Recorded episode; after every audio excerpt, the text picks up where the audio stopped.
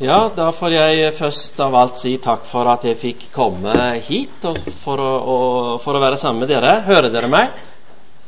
Ja, Han skrur kanskje opp litt etter hvert. Det ville jo være dumt hvis jeg skulle reise så langt og dere ikke hørte hva jeg sa. Så vi får håpe at det, at det går bra. Eh, jeg synes det var kjekt å få komme til Tromsø igjen.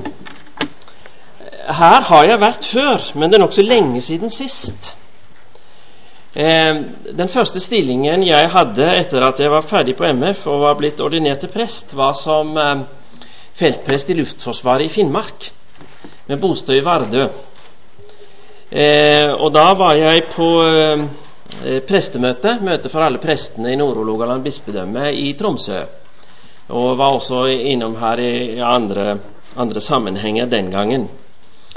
Men eh, det var som sagt i 1982, og det er nokså lenge siden, og det er mye som har forandret seg, både, både på den ene og den andre måten eh, siden den gang. Da var eh, jeg, jeg, sa jeg var i, i, Luftforsvaret i Finnmark, og Luftforsvaret i Finnmark har litt stasjoner litt rundt omkring, så jeg drev og reiste litt rundt og, og traff prester litt på det her og der. Da var, da var eh, Berg Lyngmo han var i Nordkapp, og Per Asker Kjølås var i Kautokeino. Og jeg hadde vikargudstjenester i samarbeid med, med begge to. Eh, Ola Steinholt var fremdeles i, i Mosjøen. Og det er mye som har forandret seg, både for den ene og den andre av oss siden den gangen. Eh, det, det, det, jeg har gjort siden den gangen, det kan jeg kanskje også si et par år om, så, vi, eh, så, vi, eh, så dere er orientert om det. De siste ti årene har jeg vært på Misjonshøgskolen i Stavanger, og eh, der jeg underviser studentene der. Og i mellomtiden så var jeg stort sett misjonsprest i Japan for Det Norske Misjonsselskap, der jeg har vært menighetsprest og også arbeidet med teologisk undervisning. Så det er sånn i store trekk eh, det jeg har drevet med. Jeg skal ha to foredrag i dag, og jeg har fordelt eh, eh, de eh, på den måten at jeg nå først skal si noe mer prinsipielt om ekteskapsforståelse og ekteskapstenkning. Eh, både slik dette tradisjonelt har vært forstått og bør forstås med en bibelsk kristen begrunnelse. Eh, og noe om den endrede hva skal vi si, virkelighetsforståelse, endrede tenkning som ligger til grunn for den nye ekteskapslovgivning vi har fått. Så dette første foredraget skal da fortrinnsvis forsøke å bevege seg på et litt sånn prinsipielt nivå der. Jeg håper det ikke blir så prinsipielt og abstrakt at dere ikke forstår det, men det er liksom det som er min intensjon der. Og så skal det jeg skal si i kveld, handle noe mer om konkrete konsekvenser av dette når det gjelder ekteskapslovgivning og ekteskapspraksis.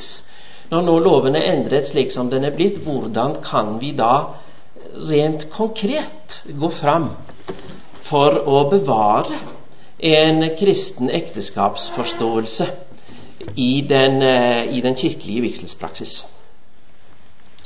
Så slik eh, kommer dette til å bli eh, fordelt.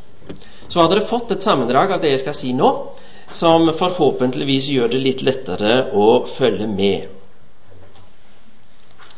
Det første punktet på det sammendraget dere har fått, der står det 'ekteskapet en verdslig ordning' med spørsmålstegn etter. Og Det jeg tenkte på da jeg skrev det, er at av og til når jeg har tatt fram disse tingene, så har jeg i den senere tid så har jeg fått den innvending at i, I, luthersk teologi så sier vi at ekteskapet er en verdslig ordning. Det gjelder for alle mennesker. Det er ikke noe spesielt kristelig i det å gifte seg. Er dette da noe vi bør ta opp? Bør vi ha en, en teologisk begrunnet debatt om dette i det hele tatt? Kan ikke dette bare overlates til de statlige myndigheter, og så lar vi det bli med det? Det tror jeg er et altfor kortsiktig perspektiv på denne problemstillingen. Det er riktig det at det i, eh, i den lutherske reformasjon og i, i luthersk eh, tradisjon har vært snakket om ekteskapet som en verdslig ordning. Og det en da vil ha fram, er at en ikke uten videre kommer Guds rike nærmere ved å gifte seg eller ved å ikke gifte seg. Eh, ekteskapet er ikke uten videre en frelsesordning i og for seg. I hvert fall ikke i den forstand at en må være gift for å bli frelst. Og det kan jo i og for seg være et, et greit poeng som er viktig å holde fram i, i noen sammenhenger.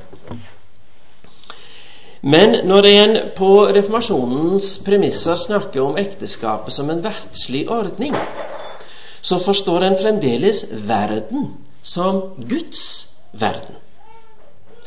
Derfor så er dette i utgangspunktet på, på reformasjonens premisser talt inn i en kristen enhetskultur som vi ikke lenger har.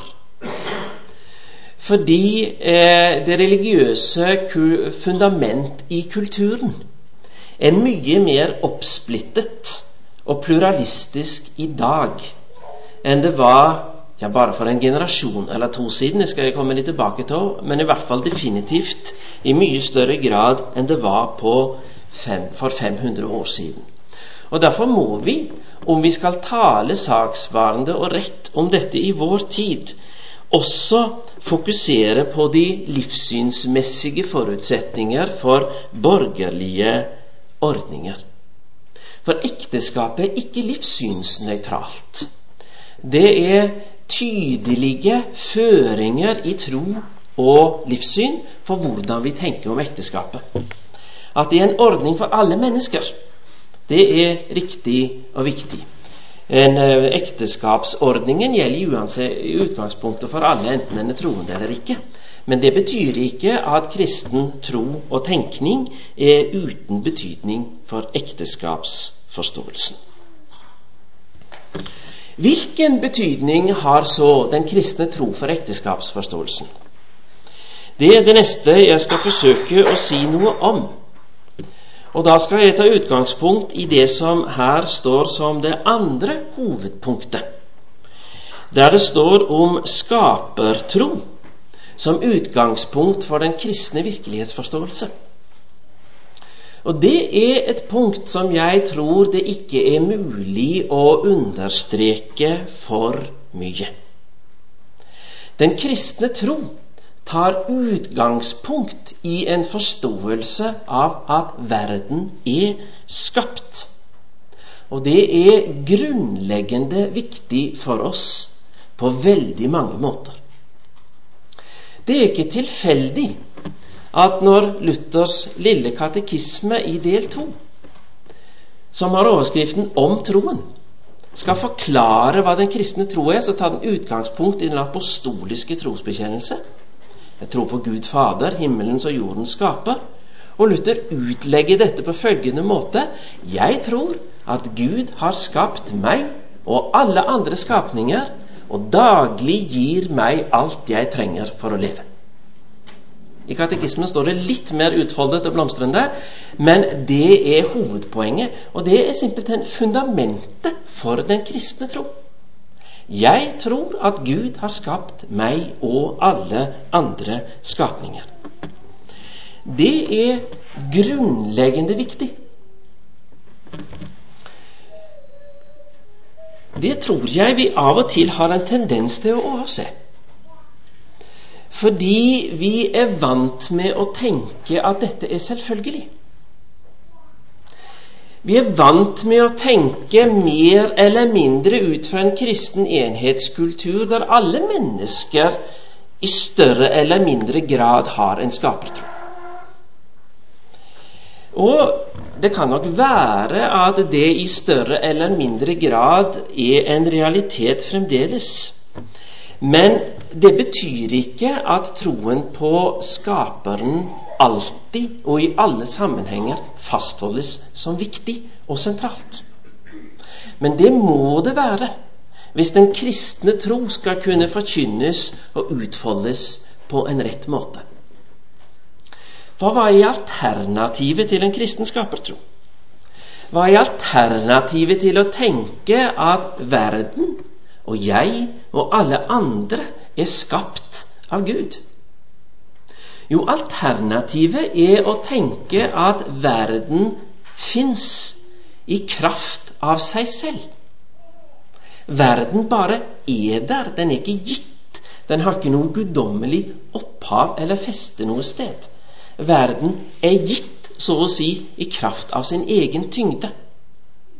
Da blir verden i seg selv en absolutt størrelse da blir verden, om vi skal legge et religiøst språk på det, selv guddommeliggjort. Selv om en ikke vil si det på den måten.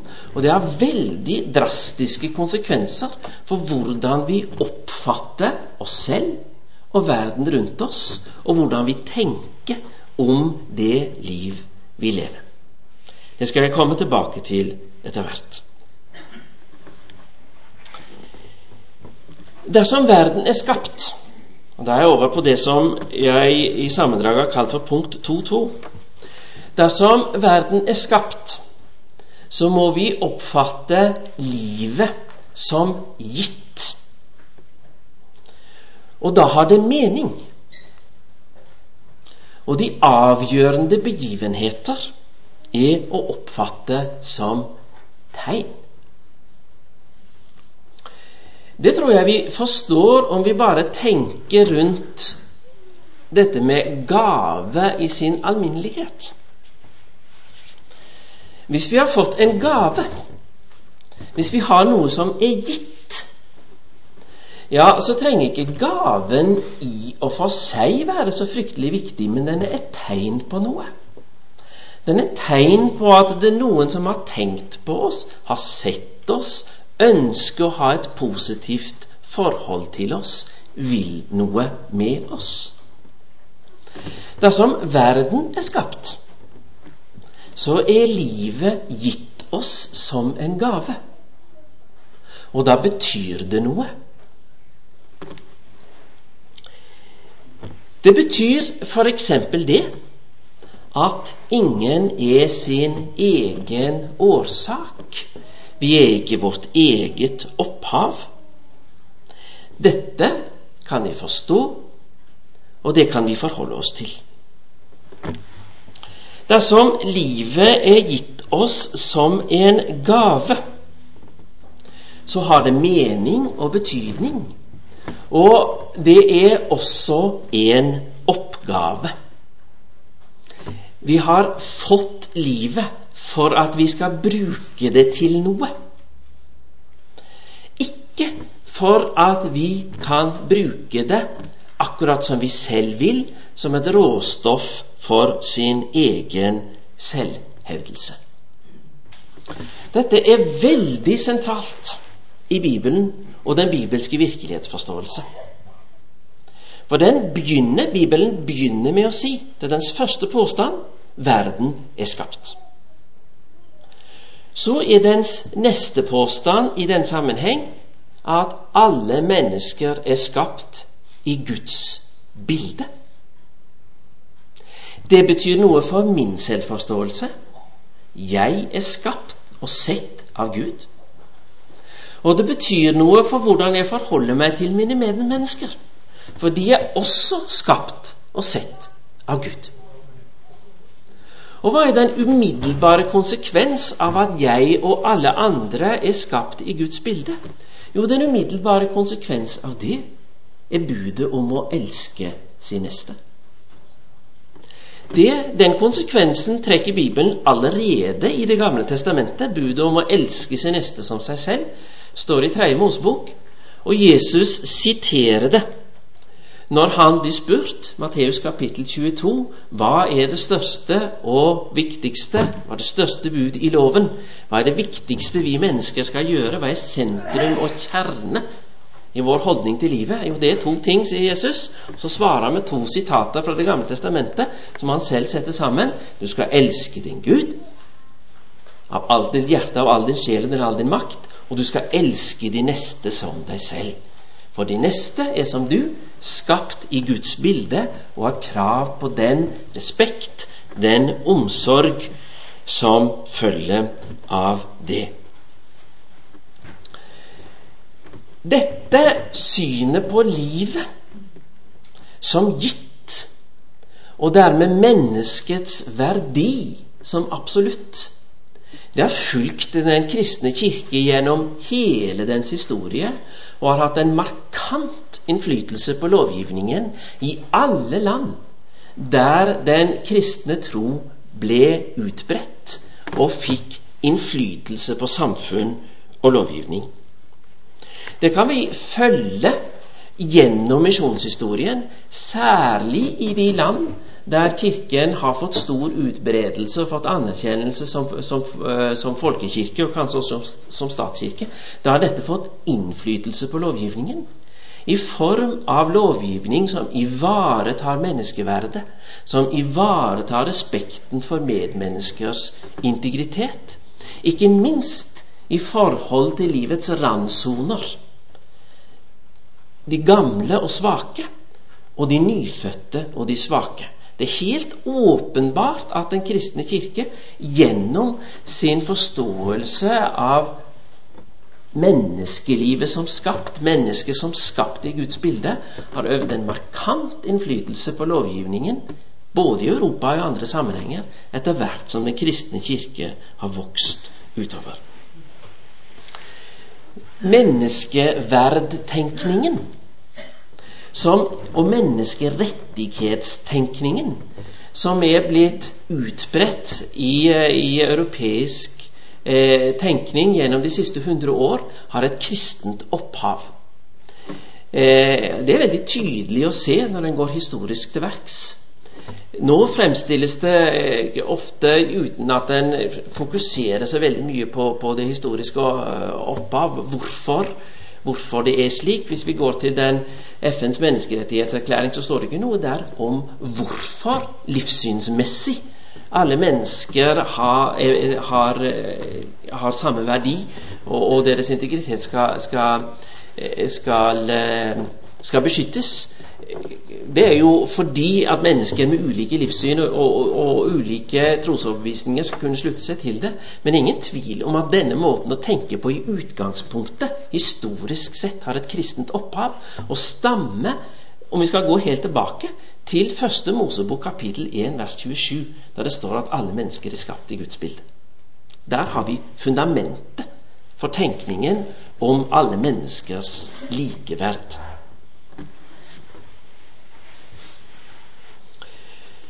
Hvilke konsekvenser har så dette for ekteskapsforståelsen? Og nå er jeg kommet over på punkt tre i det jeg skal si noe om her.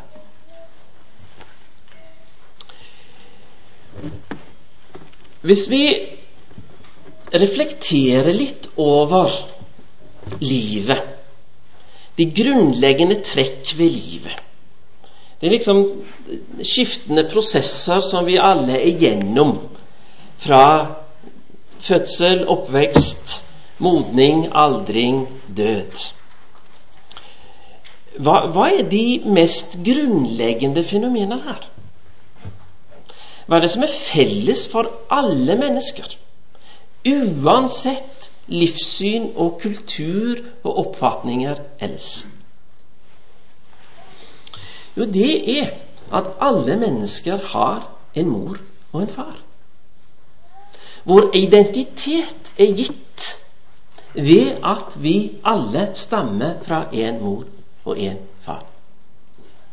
Det gjelder alle mennesker, uavhengig av kultur, livssyn og, historisk, og et historisk perspektiv så er det helt allmenngyldig. Det er ikke så mange andre viktige og meningsfylte, sånn dypt meningsfylte ting vi kan si om menneskelivet som på, har, har på samme måte er felles for alle. Helt uten livssynsmessige og kulturelle og historiske variabler. Vi har, vi har ulikt språk, vi kler oss ulikt, vi, eh, vi, tenker ulikt. Det er mange ting som er ulike for oss mennesker, eh, avhengig av tid og sted og, og religiøs og livssynsmessig bakgrunn. Men dette ene er felles for alle mennesker gjennom hele historien. Alle har én mor og én far. Hvis vi da legger til grunn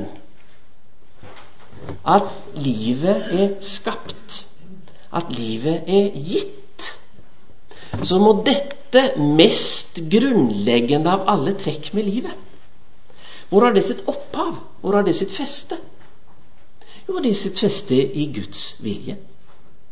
Dette har blitt slik fordi Gud da han skapte livet og gav oss det, da han bestemte at mennesket skapt i hans bilde skulle leve slik og slik og ikke slik, så bestemte han at denne relasjonen, trekanten mor, far, barn, den skal være den mest grunnleggende av alle livets relasjoner. Det fundamentet for livet i alle sammenhenger og på tvers av alle kontekster.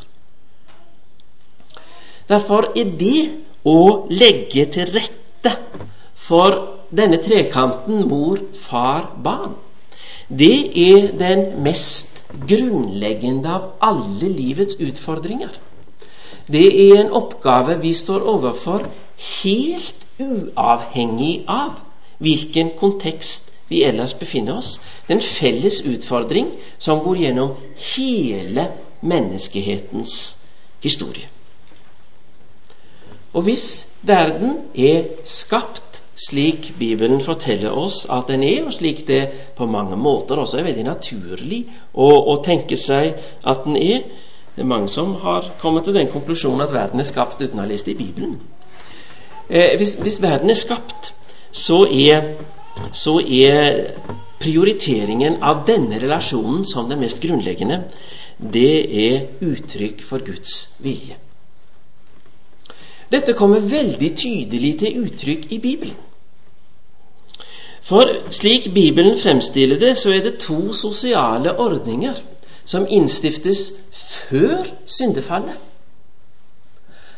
Altså i Første Mosebok kapittel 2. Og som ikke har som sin oppgave å begrense utfoldelsen av syndefallet, men som er uttrykk for Guds opphavelige vilje med oss. Det ene er ekteskap og familie. Mannen skal holde seg til sin hustru. Avslutningen i Første Mosebok kapittel 2. Og Kirken. Fordi eh, dette, dette, skriver bl.a. Luther om. Kirken ble innstiftet i Første Mosebok kapittel 2, sier Luther da, da, Gud ga de første mennesker sine bud, og befalinger, og sa at alt kan dere spise av, mens livets eh, men kunnskapstreet, eh, det skal dere ikke ta av. Da, da, da, ble Kirken opprettet. Da var det både lov og evangelium, sier Luther. Så både Kirken og ekteskapet ble innstiftet før syndefallet. Både menneskets gudsforhold og menneskets forhold mellom mann og kvinne i ekteskapet eh, går tilbake til før syndefallet, slik Bibelen fremstiller det. Og når det gjelder ekteskapet, så er dette tydelig fastholdt hos Jesus ved at han uttrykkelig peker på det monogame livslange ekteskapet mellom én mann og én kvinne som uttrykk for Guds opprinnelige vilje med livet blant menneskene.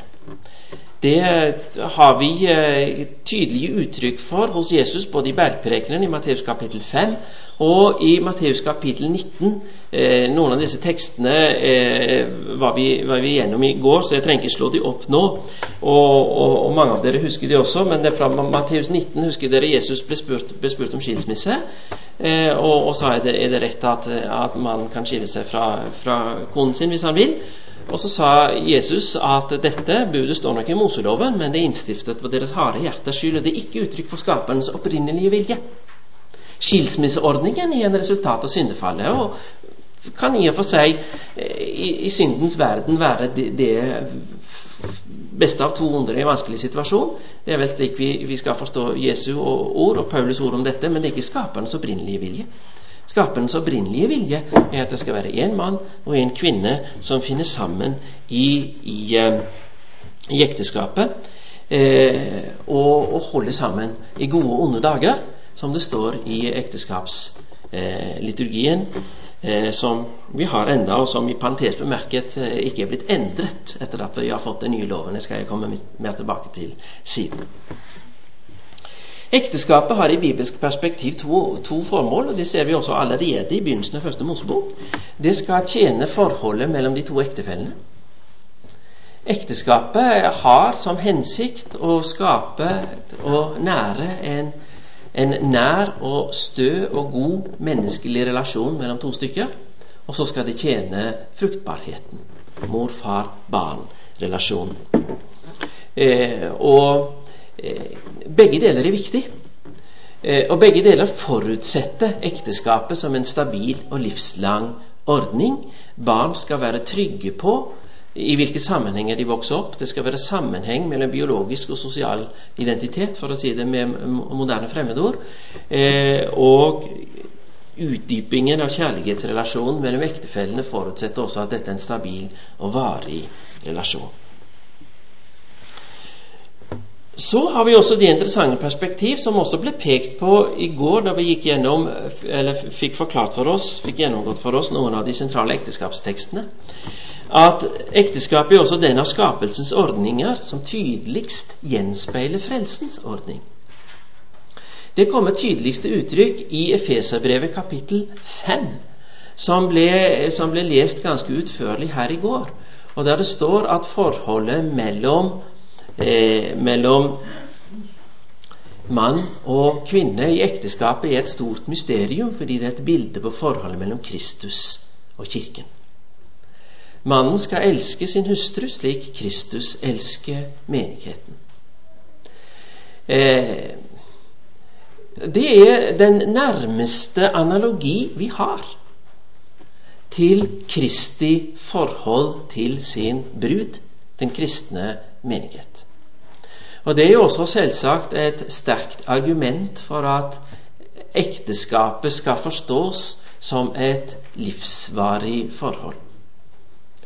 For hvis det er Kristi kjærlighet til sin brud som er, som er idealet, som er malen for forholdet mellom ektefellene, så sier det seg selv at det er en form for kjærlighet som ikke blir borte.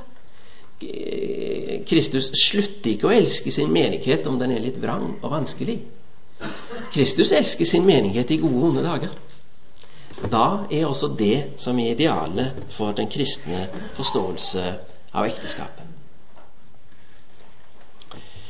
Også dette eh, kommer til uttrykk i, i samfunnets lovgivning på, på forskjellige måter. Eh, menneskerettighetserklæringen er her interessant å peke på. Fordi den trekkes av og til fram i, i diskusjonen om ekteskap og alternative samlivsformer, og det sies at den må beskytte det ene, det andre, det tredje. Men menneskerettighetserklæringen, altså FNs menneskerettighetserklæring av 1948, prioriterer helt entydig ekteskapet og familien.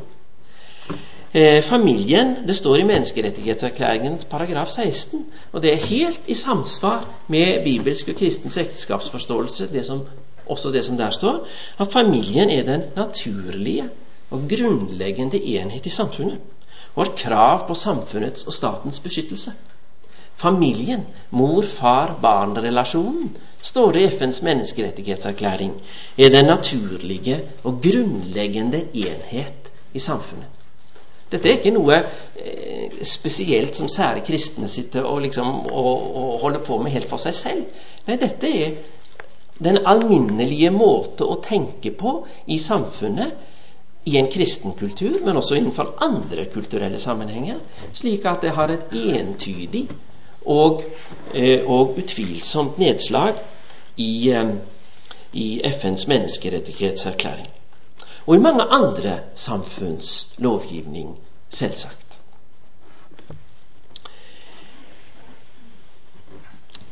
Den kristne ekteskapsetikk forsøker å ta vare på denne bibelsk begrunnede forståelse av familiens og ekteskapets særstilling.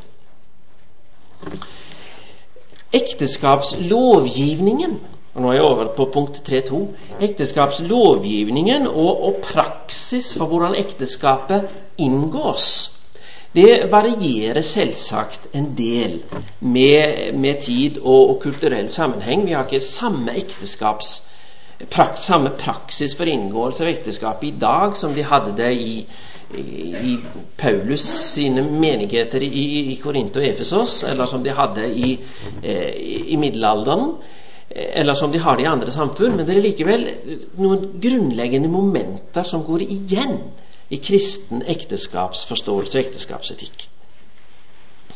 Det er for det første at ekteskap inngås ved at ektefellene avlegger et offentlig løfte om hvem som vil gifte seg med hverandre. Dette skal avgis på en slik måte at det ikke foreligger tvang. I kristen, eh, kristen eh, innenfor den, den, kristne kirkes historie så, så, har en ikke uten videre alltid tenkt ut fra den romantiske forestillingen om at ekteskapet skal inngås ved at to mennesker blir forelsket i hverandre. En kan godt ha, ha en tenkning rundt avtalte arrangerte ekteskap, men det skal ikke inngås med tvang. Eh, for meg som har vært mange år i Japan, så er det, dette med arrangerte ekteskap faktisk en ganske, Der er det fremdeles en ganske normal ordning. Og oppfattes ikke som, ikke som spesielt. og vi, vi, kan godt spørre eh, eh sånn love marriage, som, som de sier, altså de, at de gifter seg fordi de er forelsket i hverandre, blir nok mer vanlig i Japan også. Men det, det med arrangerte ekteskap er helt vanlig. Og du kan godt spørre ektefeller i Japan inngikk dere ekteskap fordi dere ble forelsket, eller et arrangert ekteskap. Det er helt åpent og greit eh, å si det sånn. Og, det har i, i den kristne eh, kulturhistorie også, også, vært vanlig med at foreldre avtalt ekteskap for sine barn. Men det skal ikke inngås med tvang. Eh, det er et prinsipp som ikke alltid har vært overholdt, men det har alltid vært et prinsipp i kristen ekteskapsetikk. Det er ikke offentlighetskarakteren kan ivaretas på litt ulike måter. Eh, det er jo selvsagt ettersom samfunnet endres, men det har alltid vært et prinsipp i kristen ekteskapsforståelse at det ikke er et rent privat forhold. Eh, det skal være offentlig kjent hvem som er gift med hverandre. Eh, annet for at eh, det skal være klart hvem som, hvem, hva som, hva skal jeg si, hvem som er tilgjengelige for ekteskap, og hvem som ikke er det. Ekteskapets grenser skal respekteres, og da må det være offentlig klart eh, hvem som er gift med hverandre. Forholdet mellom de to angår flere enn de to. Det angår for det første familiene, og så angår det også storsamfunnet. Og så har en i kristen ekteskapstenkning i samsvar med Matteus kapittel 2 og eh, Nei, med Første Mosebok kapittel 2 og Matteus kapittel 19 lagt vekt på at det skal være livsvarig og monogamt. Eh, en har ikke uten videre eh, hatt noe forbud mot skilsmisse i kristen tradisjon. Altså en viss åpning for skilsmisse i samsvar med det Jesus sier i Matteus 19 og Paulus i 1. Korinterbrev kapittel 7, har det vært. Men idealet har alltid vært at det skal være livsvarig. Eh, Derfor har ekteskapsforståelsen og ekteskapstenkningen i kristen tradisjon alltid hatt både teologiske og juridiske momenter. Og disse tingene må vi, må vi holde sammen. Eh, og Derfor så drister jeg meg, kanskje litt mer i kveld da enn nå, som, selv om jeg er teolog, også lite inn på de juridiske sider ved ekteskapet, for disse tingene må vi se sammen. Hvis vi ser litt stort på det, så kan vi si at vi både historisk og et aktuelt perspektiv, og da tenker jeg internasjonalt, i, i, en kristen kontekst tenker i forhold til tre forskjellige måter å inngå ekteskapet på. Eh, det kan være slik at den kirkelige vigsel er rettsstiftende. Altså eh, ekteskapet inngås ved en kirkelig vigsel i forbindelse med, med, andre, med, andre, avtaler, gjerne, gjerne, mellom familiene. Det som ligger i det punkt A, at den kirkelige vigsel er rettsstiftende, er at staten, storsamfunnets lovgivning, ikke nødvendigvis trenger være involvert. Historisk sett har det vært slik i mange sammenhenger. Og ekteskapet kan oppfattes som kirkelig legitimt likevel. Så har vi den ordning som vi, har, eh, som vi har, og som vi har hatt siden reformasjonen. At eh, vi, har en, vi har en borgerlig ekteskapslovgivning, men ekteskapsstiftelsen og ekteskapsinngåelsen er overlatt i stor grad til Kirken, eller kirkene, etter hvert som vi har fått flere kirkesamfunn. Eh, og det, det er den eh, juridiske ordningen vi har i dag der de aller fleste ekteskap i Norge inngås kirkelig ved at presten eh, vier ektefolkene på statens vegne, og de er gift i forhold til den offentlige lovgivning når presten sier 'erklærer de for rette ektefolk'. Det, slike ekteskap kan inngås i Den norske kirke, i frikirkene, i andre religionssamfunn og i livssynssamfunn. Det er, det er, en felles rett som norsk, eh, som norsk lovgivning gir til forstandere i registrerte trossamfunn. Til å vie på statens vegne. Og Så kan vi ha den tredje ordning, som internasjonalt er mye vanligere enn den vi har. Nemlig at en har en borgerlig ekteskapsinngåelse med en kirkelig velsignelse etterpå. Da inngås ekteskapet ved, på, på sorenskriverkontoret i vitners nærvær, og de erklæres for gifte der. Og så kan en, om en ønsker det, komme i kirken og få en kirkelig velsignelse og forbønnshandling etterpå. Det er også mulig å gjøre det slik i Norge i dag. Men det er ikke den vanlige måten å gjøre det på. Men for meg som har vært mange år i Japan, er dette en ordning som jeg er veldig vant med, for det er slik vi praktiserer det der. Jeg har viet mange ektepar i Japan, men da gjøres det alltid på grunnlag av at den formelle juridiske siden er gjort på forhånd, og så kommer en i kirken og har for så vidt en, Der har vi ikke en velsignelseshandling, vi har en ekteskapsinngåelseshandling, men den juridiske side av det ivaretas utenfor den sammenhengen. Så alle disse tre modellene finnes, både historisk og aktuelt, for, som modeller for, for, eh, for kristen ekteskapsinngåelse. Det var den, eh, familiens særstilling uttrykkes også negativt gjennom, eh, gjennom i Bibelen gjennom det nære forhold det er mellom brudd på ekteskapsbudet og avgudsdyrkelse forpliktelsen til å holde seg til sin ektefelle er ganske sterkt markert i, eh, i Bibelen. Eh, avsnittet fra Ordspråkene, kapittel 5, det, det, tror jeg faktisk jeg skal lese, fordi det er en av de, eh, en av de veldig vakre ekteskapsskildringer vi har i, eh, i eh, i Bibelen. Ellers er det jo gjerne høysangen vi går til når vi skal ha litt romantiske ekteskapsskildringer i Bibelen. Men ordspråkene kapittel 5 står ikke så langt etter. Eh, der er det eh, bildet først med, med eh, å holde seg til sin egen brønn, men det er ekteskapet det er et bilde på. Det skjønner av sammenhengen. Drikk av din egen brønn, rennende vann fra din egen kilde. La ikke dine kilder renne ut på gaten, dine bekker flyte på plasser og torg. Du skal ha dem helt for dem selv, og ikke dele dem med andre. Da skal din kilde være velsignet. Gled deg over din ungdomshustru, den elskelige hind, den yndige gasell. Fry deg alltid ved hennes barm, la hennes kjærlighet stadig beruse deg. Hvorfor, min sønn, vil du la deg beruse av en annen manns kone? Hvorfor ta fremmed kvinne i favn?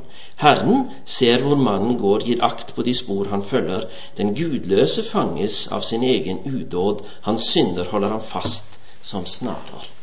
Veldig sterkt og vakkert uttrykk, synes jeg, for, for, forpliktelsen til ektefellen å holde sammen, og den religiøse begrunnelse for at det er rettet til mannen først og fremst her, men vi får ut fra det gjensidig, det er at den skal holde seg til sin ungdoms hustru.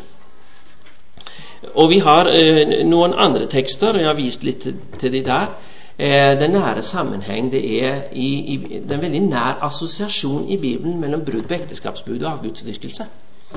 Eh, det er det, det, så seg, det er Fesane 5, forholdet mellom Kristus og menigheten som bilde på, på ektefellene, liksom satt i revers.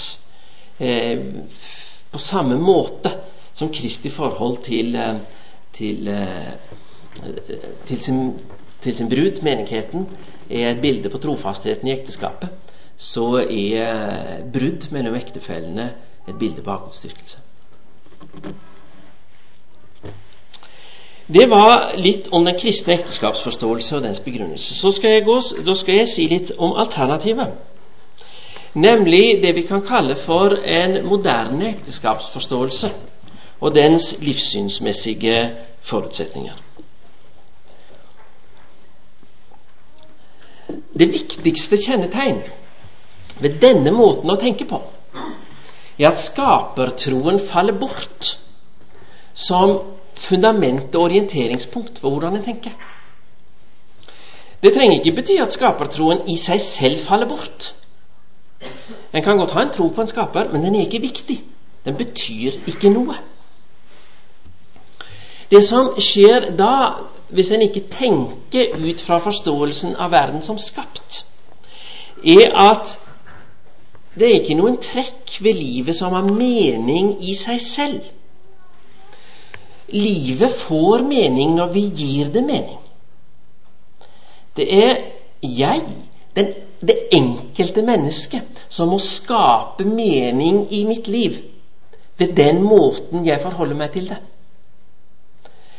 Det er ikke gitt en ordning som jeg får ta imot, så å si leve av nåde. Men jeg må skape det selv ved mine egne gjerninger, ved mine egne verk, må jeg skape mening i mitt liv. Det ligger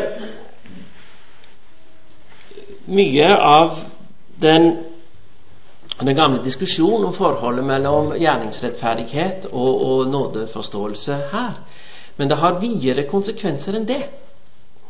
Fordi hvis livet ikke er gitt, men en må skape mening selv, så får virkelighetsforståelsen en helt annen orienteringsakse. Og Jeg skal prøve å forklare hva jeg mener med det. Hvis livet er gitt, så betyr det at det er gudgitte normer. Altså Gud har gitt mening, og dermed normer for hvordan livet skal leves. Og hvis vi bryter de normene, så pådrar vi oss skyld. Hvis livet er skapt, så blir det dermed skyld og soning som blir de grunnleggende orienteringspunkter i livet. Hvis skapertanken faller bort, slik at en må finne sin egen vei gjennom livet og skape mening selv, så gir det ikke mening å, å, å, holde Det gir ikke mening å operere med, med skyld og soning som orienteringspunkter. Da blir målet å virkeliggjøre seg selv i størst mulig grad.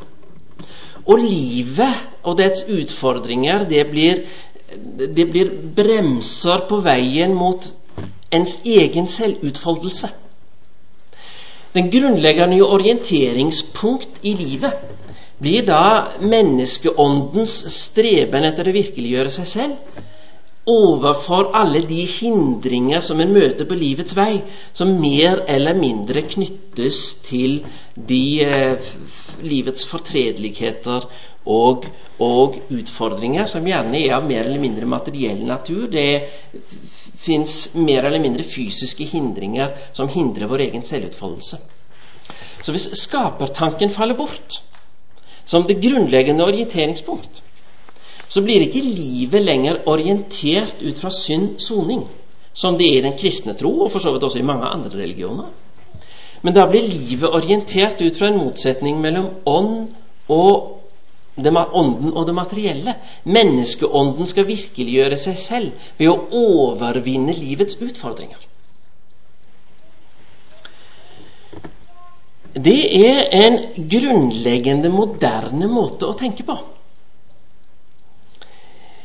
Eh, det ser vi i mange sammenhenger. Eh, den moderne naturvitenskap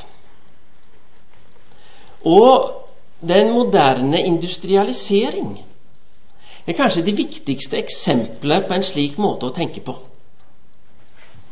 Fordi de er uttrykk for at mennesket ved hjelp av sin intelligens, som er en typisk åndsegenskap ikke sant?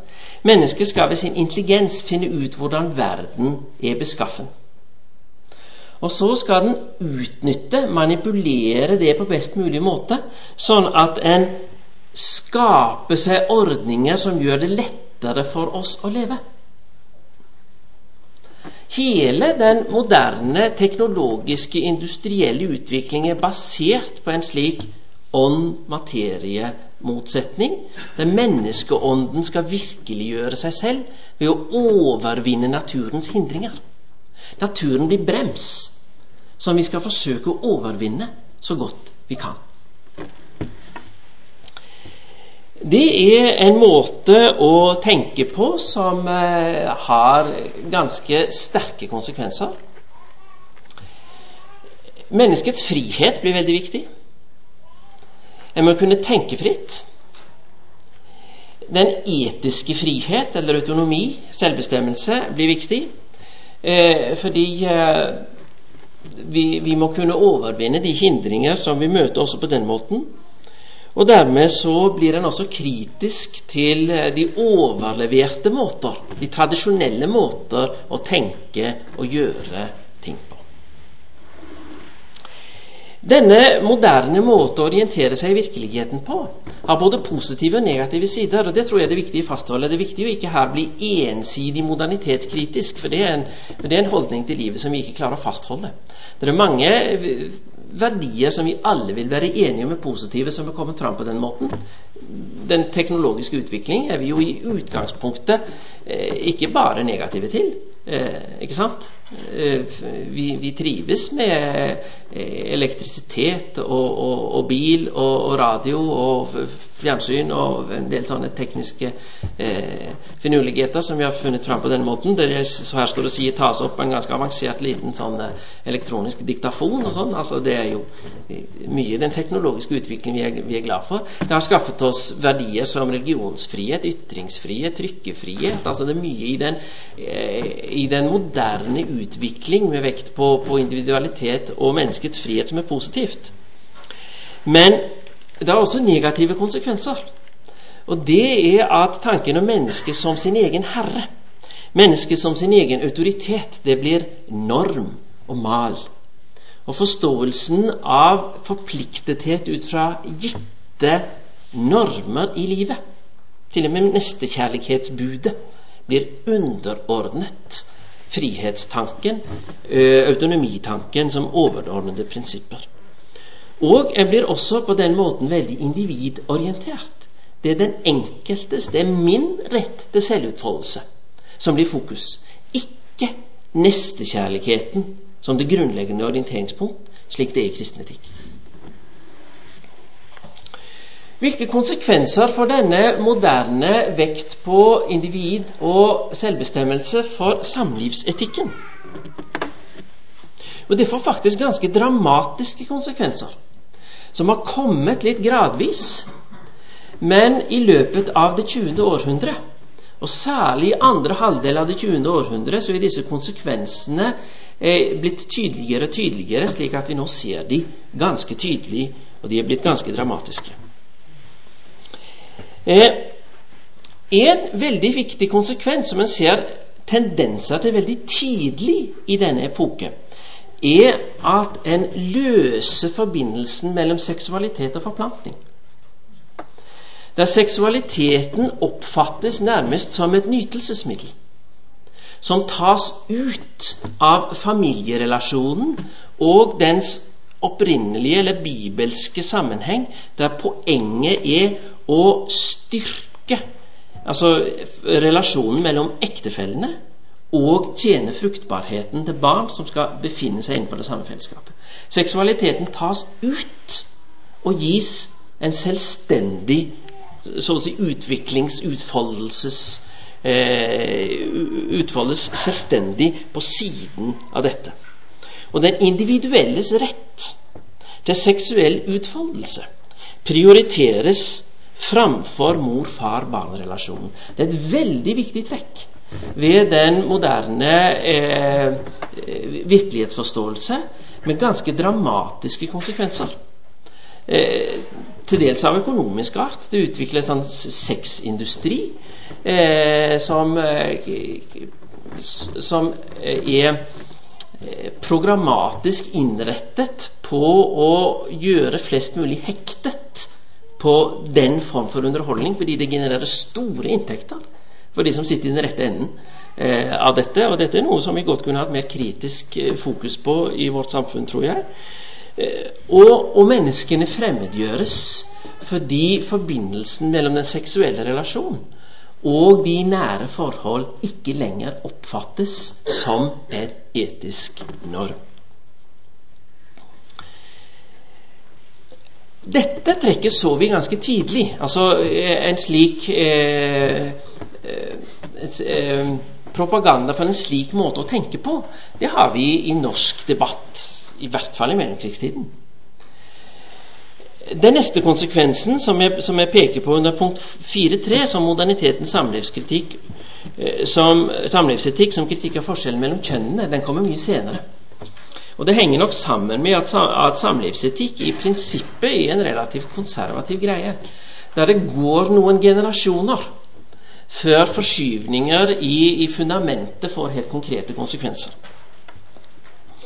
Men det som vi i økende grad har sett, og dette er en utvikling som både internasjonalt og i Norge øh, vi egentlig ikke får før på 1960- og 70-tallet Men dersom ingen trekk ved livet har mening i seg selv, så kan også kjønnsdifferansen oppfattes som tilfeldig. Og forsøk på å overvinne kjønnsdifferansen mellom gjennom samkjønnede seksuelle relasjoner, de blir da prisverdige. De er faktisk en ytterligere virkeliggjøring av modernitetens ideal. Fordi den går ut på at mennesket skal virkeliggjøre sin, sin selvbestemmelse uavhengig av fysiske bremser. Vi, vi, kan overvinne tyngdekraften ved å lage fly. Ikke sant? Vi kan bevege oss fort fra et sted til et annet. Men, og det er jo flott, for da har uh, menneskene vunnet en seier. På samme måten så kan vi overvinne den begrensning som ligger i den naturlige tiltrekning mellom kjønnene. Og virkeliggjøre vår, vår seksualitet uavhengig av også den fysiske begrensning. Det er helt konsekvent tenkt ut fra modernitetens ønske om menneskets virkeliggjøring av seg selv. Uavhengig av de fysiske bremser og relasjoner eh, som, som ideal. Og da blir samkjønnede seksuelle relasjoner et ideal. Ikke, et, eh, ikke, det minste av to onder som vi kanskje kan akseptere hos mennesker som, eh, som nå engang ikke kan få det til på en annen måte, men det blir et ideal som en skal forsøke å virkeliggjøre og legge lovgivningen til rette for, slik som vi nå har sett.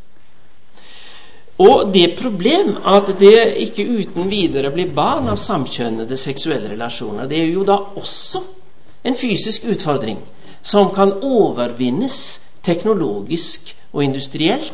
Og vi får, eh, vi får drivkrefter som på, på, livssynsmessig grunnlag vil virkeliggjøre den, den fruktbarhetsindustri, det barnemarked, som, vi, som Nina Karin Monsen så vidt var inne på i går, og som jeg forstår hun vil snakke mer om i dag. Eh, det er på, på en slik moderne virkelighetsforståelse, egne premisser, så er det ikke, er det ikke noen prinsipiell forskjell på å overvinne avstandsbegrensningen ved hjelp av radio og telefon, og å overvinne den fysiske begrensning som ligger i at barneproduksjon er knyttet til, i utgangspunktet knyttet til mann og kvinne, ved hjelp av teknologi. Eh, det blir på mange måter å forstå som to sider av samme sak, og oppfattes ikke som problematisk. Dermed så har vi fått dette, eh, dermed så har dette fått nedslag i lovgivningen. Og det er når en ser lovgivningsutviklingen Nå kan vi holde oss til Norge eh, her, men Norge er ikke, ikke så veldig spesielt i forhold til andre vestlige demokratier. Så kan vi på en måte følge utviklingen i lovgivningen der vi ser helt tydelig hvordan samfunnets disse, eh, samfunnets holdning til disse tingene har, har endret seg.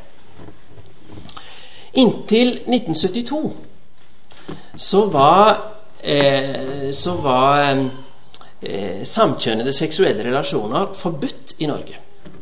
Eh, og en kunne risikere å bli eh, møtt med, med juridiske straffebud Eh, om en brøt. Nå var vel det kanskje en sovende lovgivning på slutten, men det, det var en lovgivning. Og en, en, hadde en tilsvarende lovgivning mot at mann og kvinne skulle leve sammen uten å, uten å være gift. Disse lovbudene ble opphevet i 1972.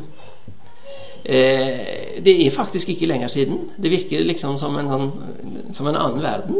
Eh, jeg tror ikke det er noen i dag som ønsker disse, disse lovreglene gjenopprettet igjen, men de forteller oss om et samfunn som var preget av en kristen enhetskultur på en måte som vi i dag nesten syns det er vanskelig å forestille oss. Og dette er, dette er, min, dette er mindre enn 40 år siden.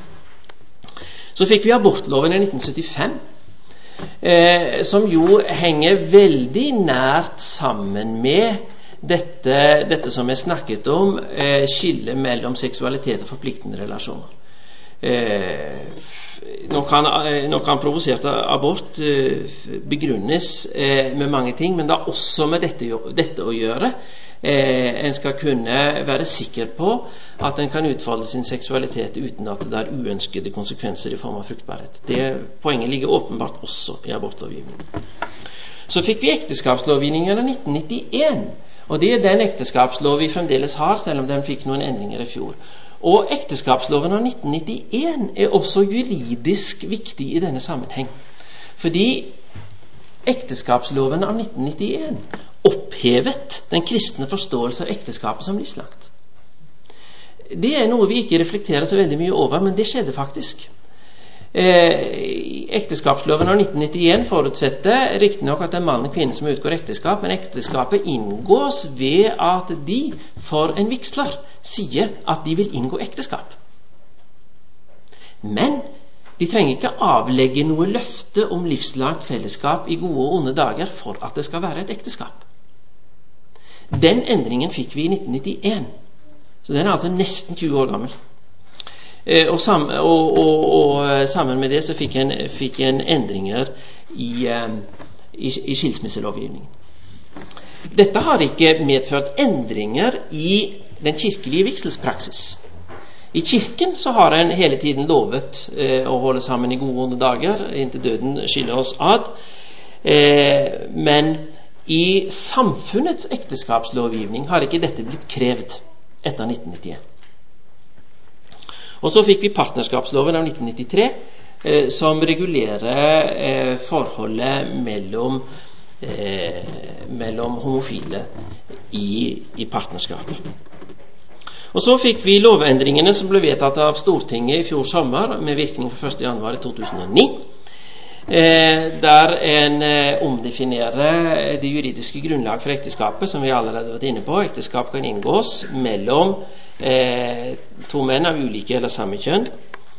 Eh, med en del konsekvenser eh, i det juridiske i ekteskapsloven, som jeg skal se på senere i dag, men som den har også konsekvenser for andre, for andre, eh, for andre lover eh, som gjør at vi nå har fått eh, innført begrepet medmor, som, eh, som Nina Karin Monsen snakket i går. Rett til assistert befruktning hos lesbiske som lever i ekteskap.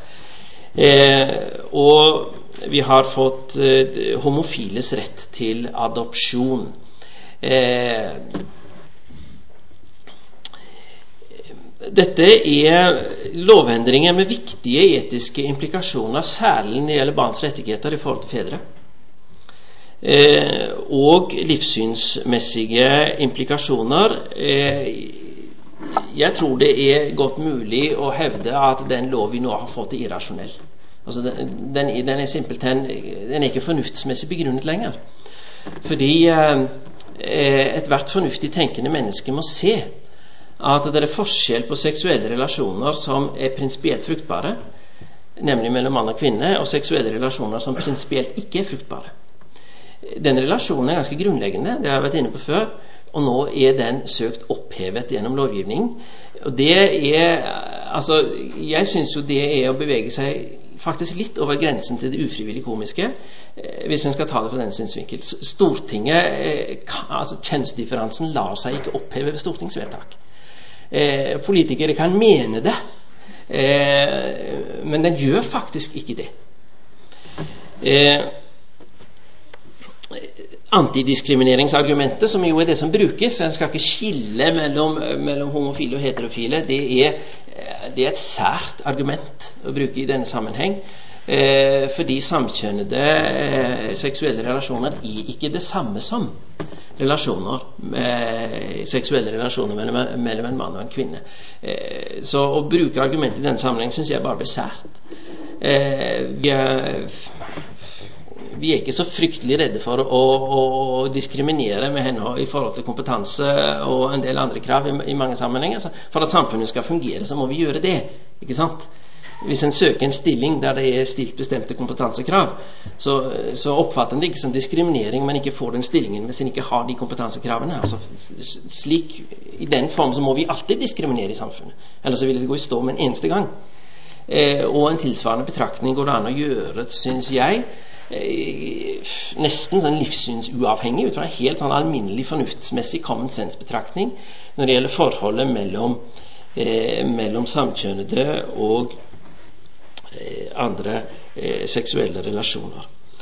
Og loven er bygget på en antikristen virkelighetsforståelse fordi den forutsetter en fornektelse av skapertroen for å kunne fungere. Eh, har en en skapertro, så er forholdet mellom mann og kvinne av en annen kvalitet, og det betyr noe, eh, enn en eh, forholdet mellom, eh, mellom en, en samkjønnede eh, relasjoner.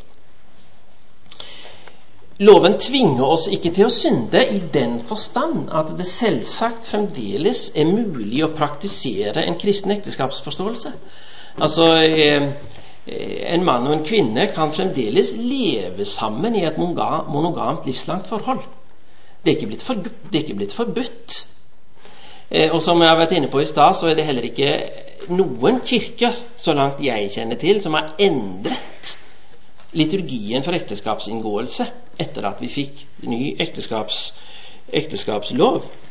Men den er problematisk likevel, fordi den åpenbart bryter med en tradisjonell kristen og humanistisk forståelse av ekteskapet.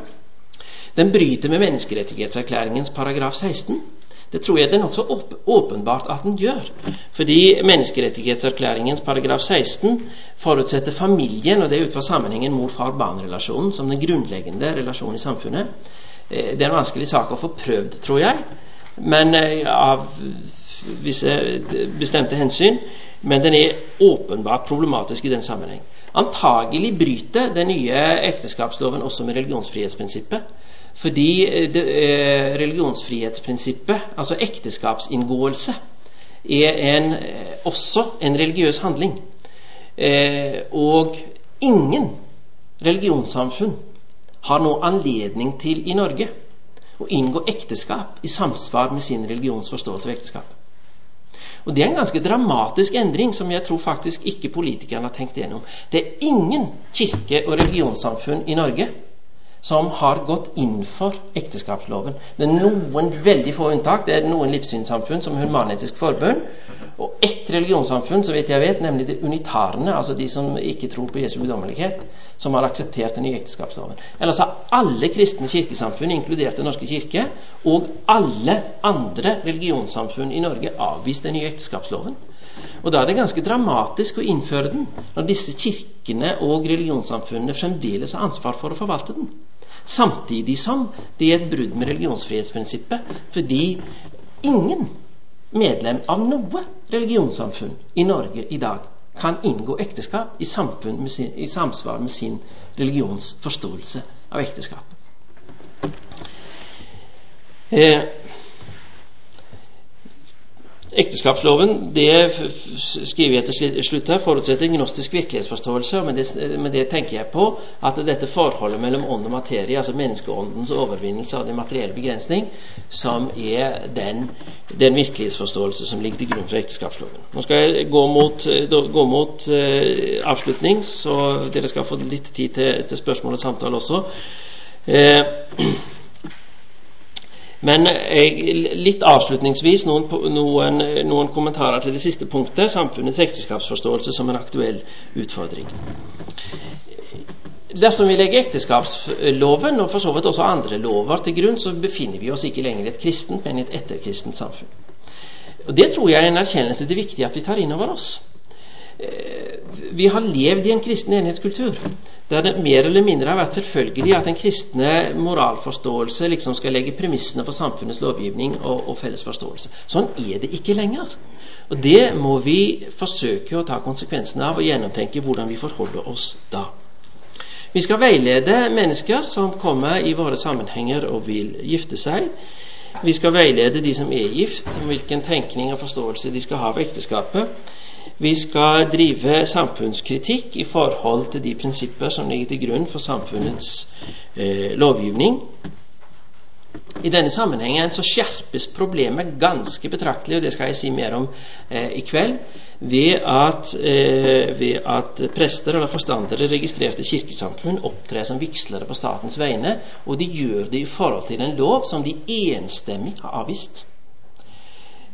Det er det er en forunderlig problemstilling. Og det er, det er faktisk overraskende at, at, politikere med åpne øyne har villet gå inn i en så konfliktpreget situasjon som, eh, som det. Eh, men det løser jo ikke spørsmålet for oss. Hvordan skal vi forholde oss? Eh, ekteskapslovens paragraf 13, som jeg viser til her, den sier at vigslere kan nekte å foreta eh, vigsel hvis ektefolkene er av samme kjønn. Det samme, det er en utvidelse av retten til å nekte eh, hvis de har vært gift før. Eh, er det en tilstrekkelig beskyttelse for en kristen ekteskapsforståelse i dagens juridiske situasjon? Og hvis ikke, hva skal vi gjøre da? Det skal jeg som sagt si mer om i kveld. Samtidig så skal vi ikke si, se oss helt blind på de, på, på de negative sidene i, i, ved saken heller. Det er også positive ting å si om den nye ekteskapslovgivningen. Den klargjør realitetene. Den klargjør for oss at vi lever i et etterkristent samfunn. Og det gjør det viktigere, ufrakommelig nødvendig, å tenke igjennom hva det betyr. Det gir også nye muligheter for økumenisk fellesskap mellom kirkene, fordi vi tydeligere enn før ser at vi, eh, at vi har noe viktig som vi vil fastholde sammen overfor en, en felles fiende, en felles utfordring. Og det har jeg opplevd flere, flere Eh, ganger de siste årene har vært i forskjellige sammenhenger og snakket om disse tingene. Der kan vi sitte eh, kristne fra ulike kirkesamfunn, fra katolikker til pinsevenner, med Den norske kirke og noen frikirker innimellom, og vi kan være helt enige om de grunnleggende prinsipper i kristen ekteskapstenkning, og hvordan det utfordres av den aktuelle lovgivning. Det gir faktisk en ny mulighet til erkjennelse av kristen enhet på tvers av grenser som tidligere har vært oppfattet som vanskelige å gå over. Så det er også positive muligheter i situasjonen. Det må vi ikke glemme. Jeg slutter på den. Men jeg skal slutte med en positiv tone.